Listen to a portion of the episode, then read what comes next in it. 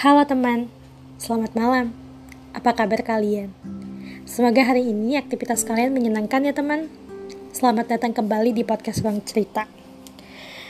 Pada konten kali ini, saya mau bahas tentang memahami makna sahabat. Dan ini berdasarkan pengalaman pribadi saya. Saya ingin sedikit sharing kepada kalian teman Saya punya dua orang sahabat yang saya kenal dari saya bayi karena kita lahir di lingkungan yang sama, kita bertumbuh di lingkungan yang sama. Bahkan kita sudah ber, bersahabat ya hampir 20 tahun.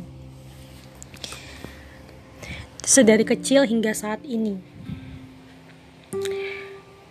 Cuman semakin bertambahnya usia, semakin bertambahnya kesibukan, dan kita menempuh pendidikan di kota-kota yang berbeda, sehingga kita menjadi asing satu sama lain.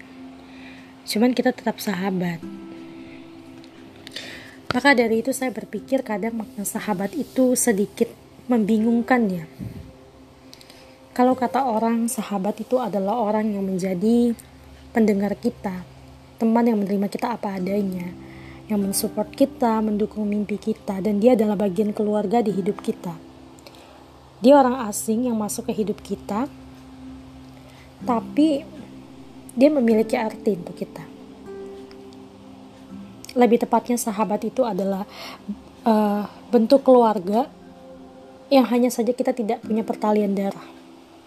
Dan dia juga berarti dalam hidup setiap individu. Karena tanpa seorang sahabat kita kita merasa diri kita itu hampa. Karena manusia itu sejatinya adalah makhluk sosial yang tidak bisa hidup tanpa orang lain, teman. Dan sahabat ini adalah bagian yang paling menyenangkan dalam hidup saya. Kadang nggak semua hal bisa kita ceritain sama keluarga kita, ke orang tua kita, karena setiap kondisi keluarga itu berbeda-beda. Ada kondisi keluarga yang memang menyenangkan, ada yang tertutup, atau ada yang kurang komunikasi, sehingga untuk bercerita hal-hal yang kita rasa uh, mungkin kehidupan kita di luar uh, sekolah atau bagaimana pengalaman dan perjalanan kita kadang tidak nyaman. Tapi di sahabat ini kita bisa menemukan rasa nyaman. Kita bisa bercerita apa pun, kita bisa sharing, kita bahkan bisa membangun mimpi bersama selama perjalanan hidup saya dari saya uh, kecil beranjak sekolah TK, SD, SMP hingga SMA bahkan kuliah um, saya sangat sedikit sekali mempunyai sahabat. Karena saya adalah orang yang tidak begitu mudah mempercayai orang. Makanya ketika saya sudah nyaman uh, kita ketika bertemu bertemu seseorang dan kita berbicara, sharing, ngobrol dan ternyata kita nyambung. Uh, hal itu kita lakukan secara berulang, berhari-hari. Kita lewati momen-momen bersama sama orang tersebut tentu kita menemukan rasa nyaman di situ. Dan sahabat itu adalah itu yang yang memberi rasa nyaman. Karena sahabat yang tulus, dia tidak akan pernah tega menyakiti kita sebagai sahabatnya, teman dan menemukan sahabat yang tulus itu adalah pencarian seumur hidup. Karena kenapa? Karena kadang setiap manusia itu bisa saja berubah-ubah. Orang yang kita anggap sahabat sedari kecil, bisa saja di waktu ketika dewasa, dia menjadi asing untuk kita. Atau mungkin orang yang baru kita temui di waktu dewasa, dia bisa menjadi sahabat yang dekat untuk kita. Karena sahabat itu adalah tentang kenyamanan dan penerimaan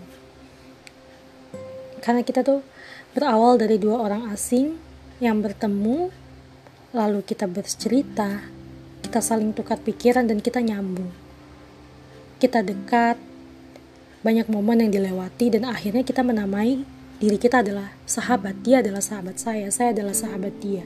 Kita habiskan banyak momen dan ada nyaman di sana. Jadi makna sahabat itu untuk saya adalah seseorang yang berarti yang memberikan rasa nyaman dan ketulusan dan menerima saya apa adanya. Sahabat itu adalah bagian terpenting juga dalam hidup kita teman. Dan kadang orang menempatkan sahabat itu juga di circle utama hidup kita. Jadi, untuk kalian saat ini yang merasa tidak punya sahabat dekat, jangan takut, jangan ragu. Cobalah buka diri kalian. Mungkin orang yang selama ini peduli sama kalian itu bisa menjadi sahabat baik kalian.